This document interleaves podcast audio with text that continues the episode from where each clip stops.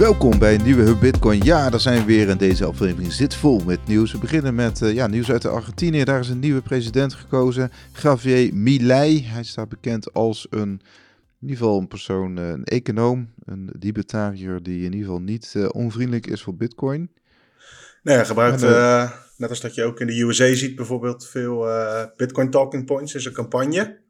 Ja. En een van de meest opmerkelijke dingen is dat hij dus af wil van de Argentijnse peso en uh, net als veel andere landen gewoon de Amerikaanse dollar, of gewoon de Amerikaanse dollar als uh, reservemunt gaan gebruiken. Of uh, als munt, als landelijke valuta. Ik zag al een filmpje op Twitter inderdaad van supporters van Milei die inderdaad hun peso aan het verscheuren waren. En, op de het is wel een beetje wat nu dan besproken wordt, weet je wel, in het bitcoin wereldje. Maar het is niet zo dat hij nu heeft gezegd van ik ga El Salvador in het groot doen en Argentinië wordt de bit het bitcoin land of zo. Nee, dat, dat valt natuurlijk te bezien, hè? Want, want uh, als je overgaat naar de dollar, dan zou je zeggen, nou, dan, dan maak je juist uh, hè, de centrale bank in Amerika maak je in die zin belangrijker en niet zo. Ja, maar als je die grafiek van de Amerikaanse of van de Argentijnse inflatie erbij pakt, dan snap je wel waarom die munt uh, niet zo aantrekkelijk is om nog beleid mee te voeren. Ja, er is sprake van hyperinflatie in, in dit land. Hè. Uh, het is een groot land, maar volgens mij iets van 30 tot 35 miljoen mensen wonen. Relatief, uh, ja, Buenos Aires is natuurlijk het waterhoofd. Die, uh, daar, het is, is, vindt vooral steun op het platteland, wat ik zo in het kaartje zag van Bloomberg. En zijn tegenstander heette Massa, dat was de minister van economie, volgens mij. Maar goed, die kreeg 10,4 miljoen stemmen en de Milei kreeg 13,2 miljoen stemmen. Dus ruim uh, ja, 2,7 miljoen meer stemmen. Ruime meerderheid. Dus, ja, inderdaad. 56 procent. Dus, uh, nou ja, goed, uh, goed. In die zin goed nieuws voor. Nou ja, goed, we moeten natuurlijk een bereiken. Hij gaat 10 december. is hij komt hij op de zetel van president en dan moet hij het gaan bewijzen natuurlijk. Ja, dat is ook een bizarre baan, hè? Dus ineens dan, zo hè, volgende maand mag je beginnen. Ja, nou, over uh, een paar weken. Ja, ga het maar doen.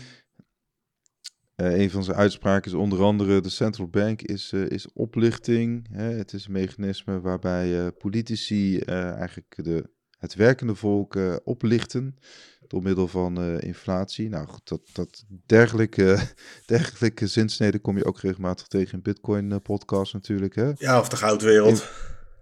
inflatie als verborgen belasting. Uh, of een SP-bijeenkomst misschien ook wel, als een beetje opletten. ja, ja, kan ook aan de... Hè, je zag bijvoorbeeld, volgens mij Bitcoin Magazine evenementen in Amsterdam zag je ook bijvoorbeeld wat links progressieve denkers die Bitcoin uh, omarmen. Even zijn naam kwijt, maar. Uh... Ja, want dat komt vaak in het nieuws van uh, libertariërs en dat soort politici die het gebruiken qua marketing. Maar je kan het in principe voor heel veel verschillende talking points inzetten in je politieke campagnes. Ik heb er wel een hard hoofd in dat dit dan iemand wordt die dan keihard voor Bitcoin gaat strijden. Die zal toch ook vooral politiek moeten overleven, lijkt me. Ja, ja, het is een apart figuur. Uh, hij, hij, treedt ook op met een kettingzaag. En uh, het is enorm schreeuwlelijk. Dus ik, ja, ik had hem ook dat, uh, in een paar interviews, ja. ik had wel een beetje doorheen geklikt. En dan zag je hem dus ook op tv gewoon... ja, geen idee. Het zag een beetje uit als op, op één of zo. Of één vandaag. En dan ja. ging hij daar tekeer en schreeuwen over dat links ze dood wilde hebben en zo, weet je wel. Ze had wel hij vestigde wel de aandacht op zich met die woorden. Het is wel bewuste tactiek. uh, net zoals Donald Trump tot destijds hè, was ook een outsider. Nou, hij, zegt, hij is ook een outsider. Hij is wel waar econoom. Maar goed, hij, hij, hij behoorde niet tot een politieke partij. Hè. Het is niet iemand die zich uh, langzaam opwerkt in, als politieke tijger uh, aan, nee. het, aan het carrière maken is. Dat, dat allemaal niet. Dus uh, nou, het is echt een outsider. Kijken of hij dus die hyperinflatie en ook dus de armoede kan, uh, kan gaan bestrijden. Ja, Argentinië is ook het land volgens mij nog steeds met de grootste uitstaande schuld bij het Internationaal Monetair Fonds, het IMF. Oh ja. Dus ja. ja. als land is het ook wel aangelegen om binnen die internationale community wel nog relevant te zijn, zeg maar. Ja, Nou, 40% van de Argentijnen leeft uh, op de uh, onder de armoedegrens, moet je zeggen. En uh, nou ja, goed, we gaan zien hoe dat, hoe dat inderdaad gaat uitwerken. Als die bitcoin-quotejes laat vallen, dan komt het misschien nog wel een keer voorbij in de podcast. Inderdaad. Zo gaat dat. Natuurlijk, ja.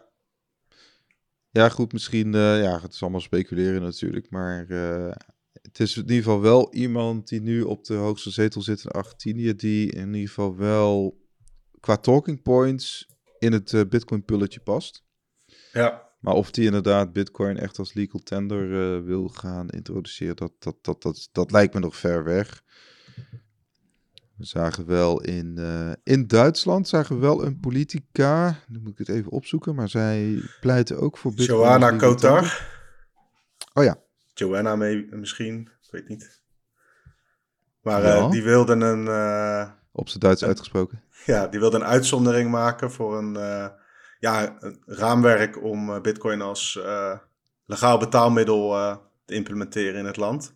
En dat wil meer implementeren, het wil meer zeggen dat de regels op zo'n manier worden opgeschreven dat het meer behandeld wordt als, als geld, als legal tender, als een currency, in plaats van als wat dan ook. Ja, ja, ik heb geen idee of zij uh, member of de Bundestag zit ze in. Mm -hmm. Geen idee of zij een grote following heeft of dat zij dit ook uh, ja, kan bewerkstelligen. Maar het is wel, je ziet in Duitsland ook veel financiële instituten, banken en andere partijen die ook mm -hmm. iets met bitcoin gaan doen. Ja. Dat heeft dan, schijnt dan weer te maken te hebben ook met bepaalde regels, waardoor bepaalde grote financiële service providers uh, dat wij aan kunnen bieden aan banken individueel. Weet je wat je ook in Amerika ziet met NIDIC? Die dan uh, met banken en financiële instituten contact zoeken en zeggen: hey, wij kunnen dit allemaal voor je regelen. Klanten hebben dan gewoon een knopje in jouw uh, app en wij regelen de backend. Dus dat is wel klopt, wat je niet hier hebt. Grootste... nee, klopt. Dus andersom, Ideal wordt gebruikt voor de digitale euro, geloof ik, kwam laatst voorbij. Ja, inderdaad, ja. dat, uh, dat bedrijf erachter is gekocht, inderdaad, door, uh, door uh, initiatiefnemers van Digitale Euro. Nee, inderdaad, de vier, vierde grootste bank van Duitsland, dat is de Commerzbank. Um, ja, die heeft in ieder geval een vergunning gekregen in, in Duitsland om dus bitcoin en ook andere cryptomunten te gaan bewaren. Dus dat, ja. dat is in ieder geval ook een, dat is ook wel weer iets ja, het is vrij logisch als je als, je als bank uh, relatief makkelijk uh, Bitcoin kunt aanbieden aan je klanten. Waarom zou je dat niet in je portfolio willen als bank? Ja. Kijk, als je, als je het herkent of als het erkend wordt als, uh, als asset waar niet alleen maar criminelen in zitten, maar ook gewoon, of gewoon in dat wereldje namen die groot zijn, zoals BlackRock en dat soort partijen, weet je wel? Dan mhm. is het vrij logisch dat je uh, mensen hebt in een vergadering die eens roepen van... hé, hey, moeten we ook niet wat met bitcoin doen? En in hun communicatie roepen ze dan vaak dat het door klanten aanvragen komt. Maar dat valt altijd nog wel te bezien. Ja, dat is lastig, lastig inschatten. Ik kan me wel voorstellen dat er, uh, de rijkere, hè, de vermogenden, dat die ook gewoon op zoek gaan naar uh, alternatieven. De afgelopen jaren, we zagen in de coronatijd natuurlijk gewoon dat mensen ja, ook in Nederland had je ruim 5 miljoen uh, mensen met, uh, met crypto in ieder geval. Ja, die groep wordt wel steeds groter. Dus ja, en de, dus het is ook de 1% van onze maatschappij die, die Bitcoin natuurlijk ook wel ontdekt. En, dan, en ja, dat zijn over het algemeen vrij conservatieve. Die gaan echt niet naar een Bitcoin-partij. Die willen gewoon hun eigen bank, hun eigen vermogensbank, die dat dan aanbiedt. Ja, die willen Daniel of Danielle kunnen bellen van het kantoor als er weer uh, wat verschoven moet worden met die euro's. Precies, Harm Jan, uh, ja. doe eens wat. En nou ja, goed, en dat is ook logisch. Hè. De mensen zijn uh, wat dat betreft conservatief. Um... Nee, dus dat, ja, dat is nog steeds wel de trend, hè, of een trend, dat bepaalde politieke figuren ja, Bitcoin pushen. Of dat nou is omdat ze er zelf heel achter staan of omdat ze het gebruiken in hun, ja, hoe noem je dat, beeldvorming of zo. Dat weet ik niet zo mhm. goed. Maar het, ja, het is wel eh, een relevant topic geworden. In Nederland zie je het in het klein eh, ook. Op bitcoinfocus.nl uh, behandelen we trouwens uh, wat Nederlandse partijen vinden van bitcoin en van de banken en van euro's. De eerste editie staat online. Volgende editie komt dinsdag. we nemen dit op op maandag. Op dinsdag uit net voor de verkiezingen met de overige partijen. We hebben eerst de grote partijen gedaan en nu de wat kleinere. Dus komt dat zien op bitcoinfocus.nl. Maar dat even tezijde. Kijk, nou ja, goed, en dat zal blijven. Bitcoin is een, is een asset die blijft. Uh, Bitcoin gaat niet verdwijnen, ook al is het uh, honderden keren uh, dood verklaard. Dus dat, dat is een zekerheidje. Wat mij betreft in ieder geval. Santander Private Bank introduceert ook Bitcoin trading voor cliënten in Zwitserland. Ja, Santander is natuurlijk ook een grote, ja, van origine Spaanse bank, maar zit ook in Zwitserland. En Um, nou goed, de Banco Santander die gaat dus ook uh, Zwitserse accounts uh, ja, uh, be, bedienen met, met Bitcoin. Ja, wel op een andere manier dan gewoon in een dashboard. Want hier gaat het dan blijkbaar om dat je erover moet vragen. Het wordt meer een soort van helpdesk dienst of zo, denk ik. Relationship managing. ja, dus gewoon jouw account manager die dat dan voor je regelt. Ja. De bank stores the private crypto graphic keys in een secure environment. Dus ze zeggen dat ze het zelf uh, opslaan. Ja. Nou, kijk, Banco Santander heeft toch 166 miljoen klanten wereldwijd. Uh, waaronder dus inderdaad de private arm die bedient 210.000 wealthy clients. Ja, dus daarvan dus, zou dan een deel op verzoek wat naar Bitcoin kunnen schuiven via Santander. Ja, nou ja, goed. Dus ja, we zagen dat een paar jaar geleden ook al met NIDIC in Amerika. En, en, en gewoon ja, financiële, financiële instituten die uh, echt uit die oude wereld komen, maar die gewoon dus uh, ook voor Bitcoin kiezen. Ik denk dat het ook een kwestie is van uh, het klaar hebben staan voor als het. Al die partijen hebben ook gezien dat cryptobeurzen miljarden dollars omzetten per dag of per maand. Ja. Met die handel. En daar wil je als financieel instituut zeker in de bankensector ook gewoon van profiteren. Eens, eens. Nou goed, uh, we zagen afgelopen week dus inderdaad die Bitcoin-prijs ook wat, uh, wat uh, stijgen. we zijn ook door de 37.000 heen. En um, nou ja, je ziet dus ook, ik zag op bitcoinmagazine.com in ieder geval allerlei artikelen van... de prijs is 400% gestegen sinds de Cash App zijn eerste klanten toeliet. Dat is inmiddels wel zes jaar geleden. Ja. Dus dat zijn, uh, dat zijn wel grappig. Uh, en 120% sinds El Salvador is gaan kopen. Om één bitcoin per dag gingen die kopen. Even een perspectief. Ja. is natuurlijk niet gigantisch veel op landenschaal. Maar het, is, ja, het zijn van die leuke grappige nieuwtjes. Hey, inderdaad. Ja, zij gingen eerst een paar keer lump sum volgens mij kopen. En, ja, op het toilet zogenaamd, zei de president. En uh, vorig jaar, uh, volgens mij, zeiden ze nee, we doen nu gewoon één bitcoin per dag. Nou ja, het is, het is toch, ja, wat is het? 3,65 bitcoin per jaar. Ja. Toch? Goed dus, uitgerekend. goed uitgerekend, ja. Ligt eraan, hè? Schrikkeljaar is het anders. Ja. dan hebben we de crypto-app Strike. Die, die hebben een partnership met checkout.com. Ja, voor mijn gevoel hebben ze dat al een keer aangekondigd op zo'n evenement. Maar misschien is dat nu gelanceerd of zo. Oh, dat zou goed kunnen, ja. Ja, checkout.com. Ja, je kunt in ieder geval bitcoin kopen in meer dan 65 landen, zie ik. Nou, vooral ook mee betalen bij checkout.com. Bij, okay, oh, bij Bitcoin ook, ja, ja, met de creditcard, debitcard moet ik zeggen. Ja, ja, ja. Ja, dus, want de, de checkout.com is zo'n uh, betaalprovider die dan op allerlei manieren ja, mensen laat betalen of betalingen laat ontvangen. En Strijk is dan op hun beurt hetzelfde, maar dan met een bitcoin saus. Ja. Dus, uh, ja, die, nou ja, het, het vernieuwen van Strijk, ja, het zit, zit volgens mij in, als Euro, Euro, Europeaan of als Nederlander kun je volgens mij nog steeds geen gebruik maken van Strike. Nee, nee die worden nog, uh, die hebben moeite met uh, de regels hier. Wat natuurlijk nog steeds uh, heel innovatief is, is dat je dus fiat geld over het Bitcoin Lightning netwerk kan laten versturen. Dat vind ik nog steeds een leuk voorbeeldje ook. Ook voor no-coiners, omdat... ja, in feite doen zij meer de communicatie via Lightning, hè? Mm Want ehm, zij hebben dan bankrekeningen, relaties met banken in verschillende landen. En hun communicatie gaat als het ware via Lightning En dan maken die banken gewoon het geld over naar de juiste bank in het juiste land alvast, zeg maar. Ja. Dus het is een soort van PayPal bovenop Lightning of zo. Ja, precies. Precies. En daarnaast hebben ze ook betaalterminals, geloof ik, of betaalsoftware en dat soort zaken. Of... Maar het maakt het daardoor wel, dat is in ieder geval het, het promotieverhaal, dat het, die transacties zijn wel goedkoper dan bij een normale bank of bij... Uh, ja, vanuit hun inderdaad, dat is inderdaad de marketing, ja. Ja. Zo, nu weer een grote samenwerking.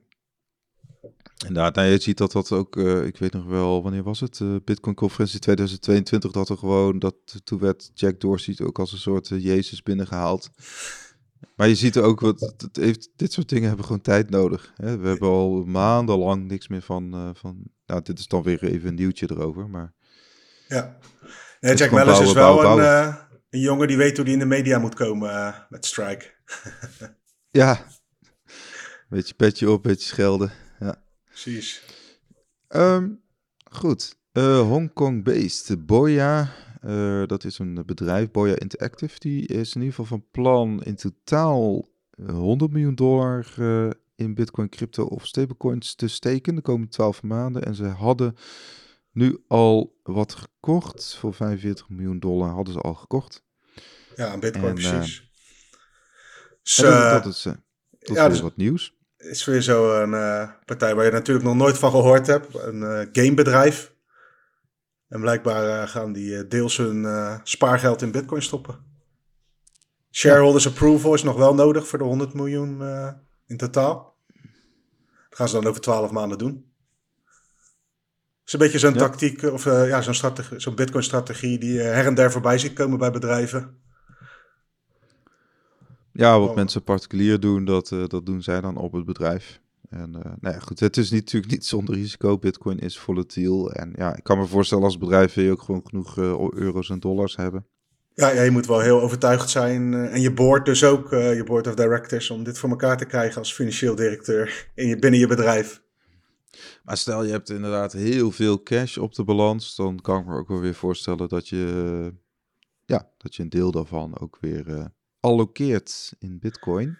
Klopt. We hebben ook nog zo'n voorbeeld daarvan, een beetje anders, maar is uh, in Zuid-Korea, het Nationaal Pensioenfonds. Tweede oh, grootste ja. pensioenfonds. Die hebben voor uh, bijna 20 miljoen dollar aan uh, aandelen gekocht in Coinbase Global, dus een Coinbase. Over volatiel gesproken en risicovol. Even ter vergelijking, ze hebben in hadden in totaal 755 miljard dollar in beheer. Dus het is niet zo dat dit een uh, grote strategiewijziging is. Maar ook dit soort partijen komen dus uh, op deze manier naar die industrie. Ja. Ja, mooi. Beetje, uh, klein beetje geld van de spaarpot. Ik kan me herinneren dat volgens mij in Singapore, het pensioenfonds in Singapore, dat die, die hadden volgens mij ook wat in bitcoin gestoken, maar dat is alweer een tijdje geleden. Of in ieder geval een staatsfonds van, vanuit Singapore. Die hebben ook uh, nog steeds uh, bitcoin. Um, dan hebben we nog meer nieuws uit Korea. Want BitTump, BitTump is een grote cryptobeurs die wil naar de Koreaanse beurs. Ja, uh, die wilde, dat is in ieder geval het plan. Nou was er wel ook nog wat anders aan de hand met BitHump. Moet ik even opzoeken. Kijk, ze willen in ieder geval de tweede helft van tweede helft van 2025. Dus dat duurt nog wel eventjes. Oh ja, de voormalige voorzitter, voormalige voorzitter van uh, Bitump, die uh, hangt de gevangenisstraf boven het hoofd. Wegens okay. beschuldigingen van fraude en het omzeilen van financiële regelgeving. Waar veel uh, crypto-founders mee te maken krijgen op een bepaald moment. En dat hangt nog eens een beetje boven dat BitHump verhaal. Ja. Het zou wel interessant zijn voor zulke bedrijven om dan de eerste, ik weet niet of ze de eerste zijn in uh, Zuid-Korea, maar om daar dan uh, op die beurs te gaan, zeg maar. Dat is vooral interessant voor de originele aandeelhouders altijd.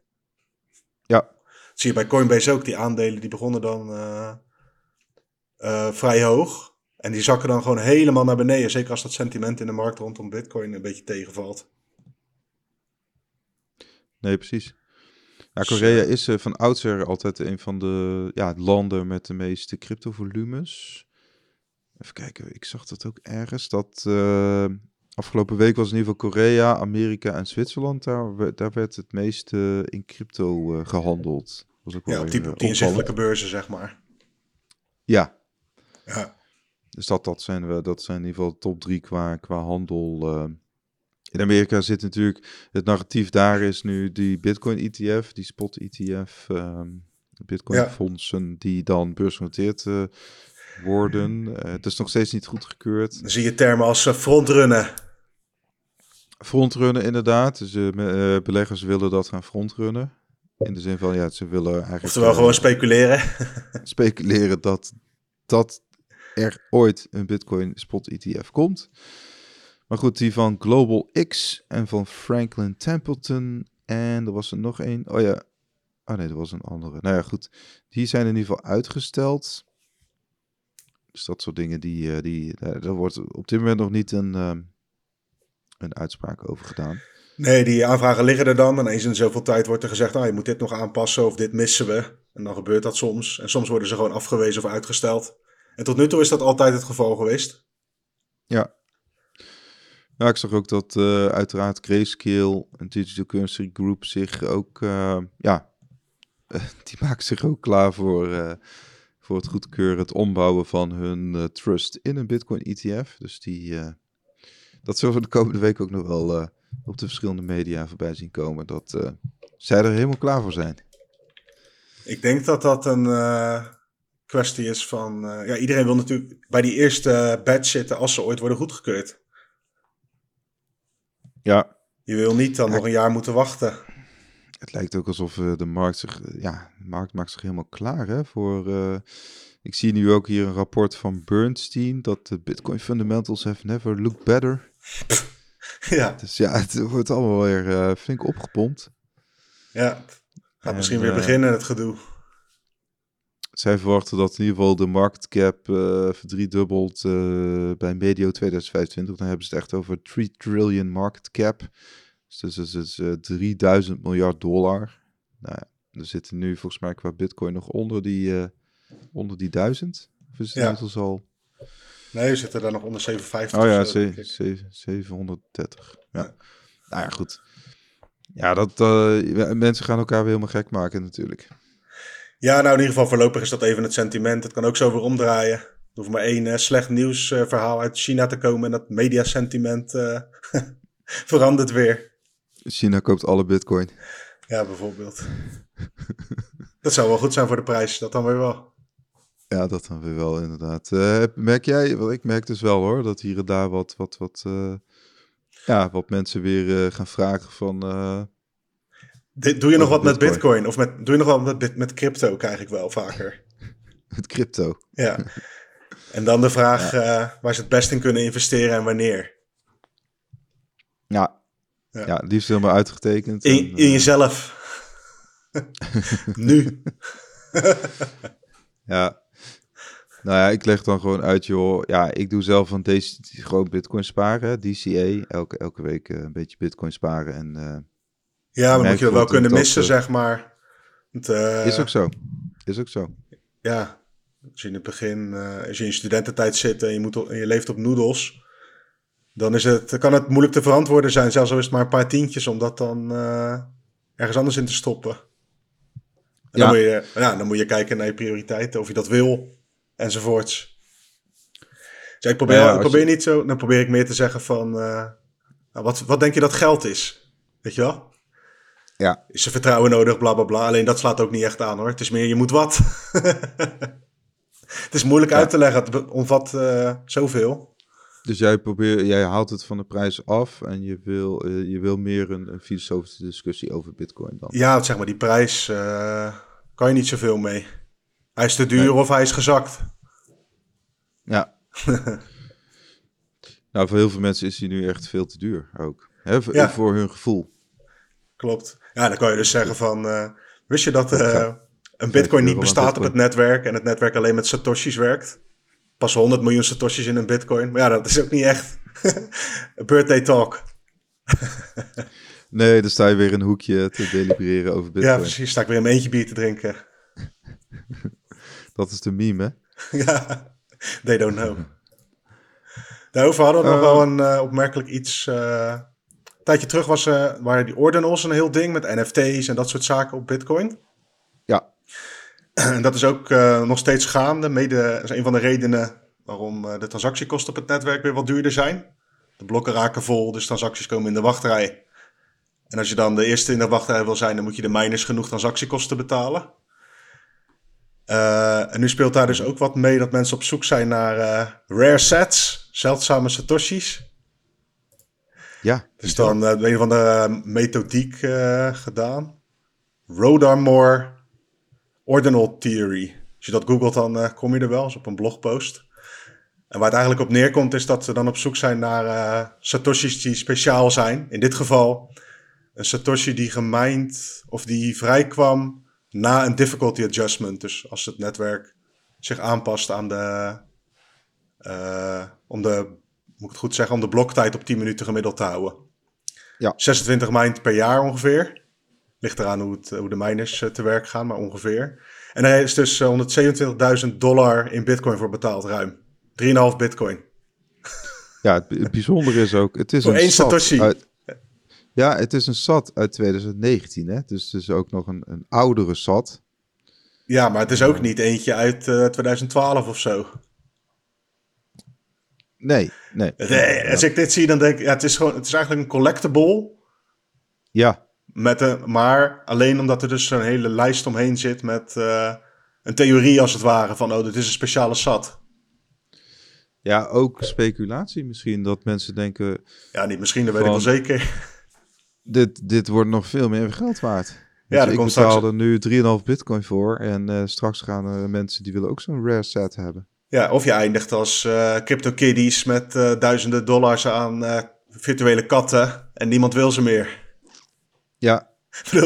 je weet het niet. Dit, dit is, een van de oorzaken van de drukte op het netwerk. Dat mensen hier ook mee bezig zijn.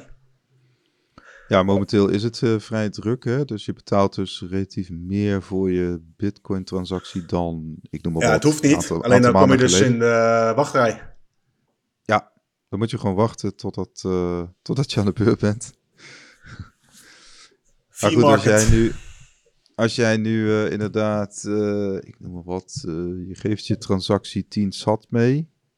Mm -hmm. Ja, dan krijg je absoluut geen prioriteit. Nee. Dan kan, het, dan kan het wel een aantal dagen duren voordat jouw, volgens mij, jouw transactie dan weer op, op wordt gepikt door een miner. Ja, of nog langer, als je pech hebt.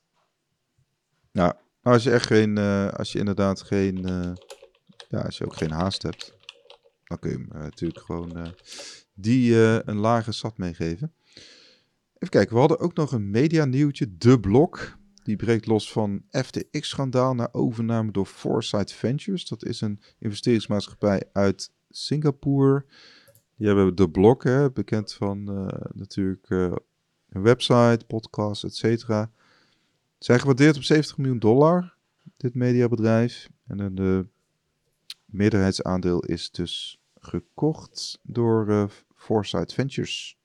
Ja, uit Singapore. Dus uh, ja, ik denk dat je, dit is uh, wat je heel veel gaat zien in die, ook in die hogere regionen, dat de partijen van, van aandeelhouders gaan wisselen. Andere partijen gaan het proberen, sommigen willen er misschien uit en zo. Want voor veel van deze bedrijven is het ook gewoon lastig geweest de afgelopen jaren hè, in die bear market. Ja. En bij de blok was het dan ook nog dat ze deels in handen waren van FTX of een hoop geld hadden ontvangen. Ik weet niet meer precies wat er aan de hand was. Wil ik even vanaf zijn. ah, leningen. Meerdere miljoenen dollars leningen van FTX-oprichter Sam Bankman-Fried. Ja. Dus daarmee koop je dit een beetje, even je zonde afkopen. Precies, inderdaad. En uh, nou ja, goed. Ja, zij zitten uh, vooral op het industrie-nieuws. Ja, ze doen alles. Hè. Ze doen uh, inderdaad alles. En met name inderdaad industrie-nieuws. Uh, ik zie dat die Larry Surmack inmiddels uh, CEO is geworden. Kijk, Hij is de één na grootste aandeelhouder ook nog steeds. Ook na deze, na deze deal. En Forrest Bay, de CEO van Foresight, die zal voorzitter worden bij de blok. Nou goed, dus nou, in ieder geval, ja, de bestaande aandeelhouders die, uh, die uh, hebben in ieder geval goed gecashed met de verkoop. En, um... ja, en Foresight heeft dus ook al andere mediapartijen in, of crypto mediapartijen in Azië. Eentje in het oh, ja. Mandarijn, Bloktempo heet dat. En Foresight News, Foresight News en, en, een Koreaanse website. En dan komt dus nu een Amerikaanse grote partij bij. Ja, ja, dat zie je veel hè, van, die, van, van, van die grote ja, bedrijven die zoveel mogelijk crypto sites willen hebben voor zo groot mogelijk bereik voor hun adverteerders. Dus, uh, nou goed, we hadden ook nog op bitcoinfocus.nl hebben we altijd de vrijdageditie, ook met een nieuwsoverzicht. En daar ging het ook onder andere over. Even kijken. Uh, we hebben het, de cryptobank Hodlnout uit Singapore. Die moet nu verplicht haar deuren sluiten. En aan 17.000 klanten geld teruggeven. Dus dat. En dan hadden we nog de Filipijnse Copay. Heeft uh, Lightning betalingen geïntegreerd in samenwerking met Pouch. Dat is een uh, ja, Lightning provider uh, uit de Filipijnen. Vrienden van Arnold. Vrienden van Arnold. Staat dus dat, nou ja, goed. En nou ja, goed, zoals morgen, dinsdag, of als je dit luistert, nou, in ieder geval deze dinsdag, de 21ste, dan komt er nog een overzicht van politieke partijen op bitcoinfocus.nl. Met name aandacht voor de kleinere partijtjes. Ja, het is geen stemadvies, maar meer een, uit, een beetje een overzicht van uh, wat we opmerkelijk vonden aan de partijprogramma's enzovoorts. Dus ja. Uh, je kunt je inschrijven op bitcoinfocus.nl. Je kunt deze podcast liken, reviewen en natuurlijk delen. En dan uh, hoor je ons volgende week gewoon weer. Tot de land. Yes. Doei. Later.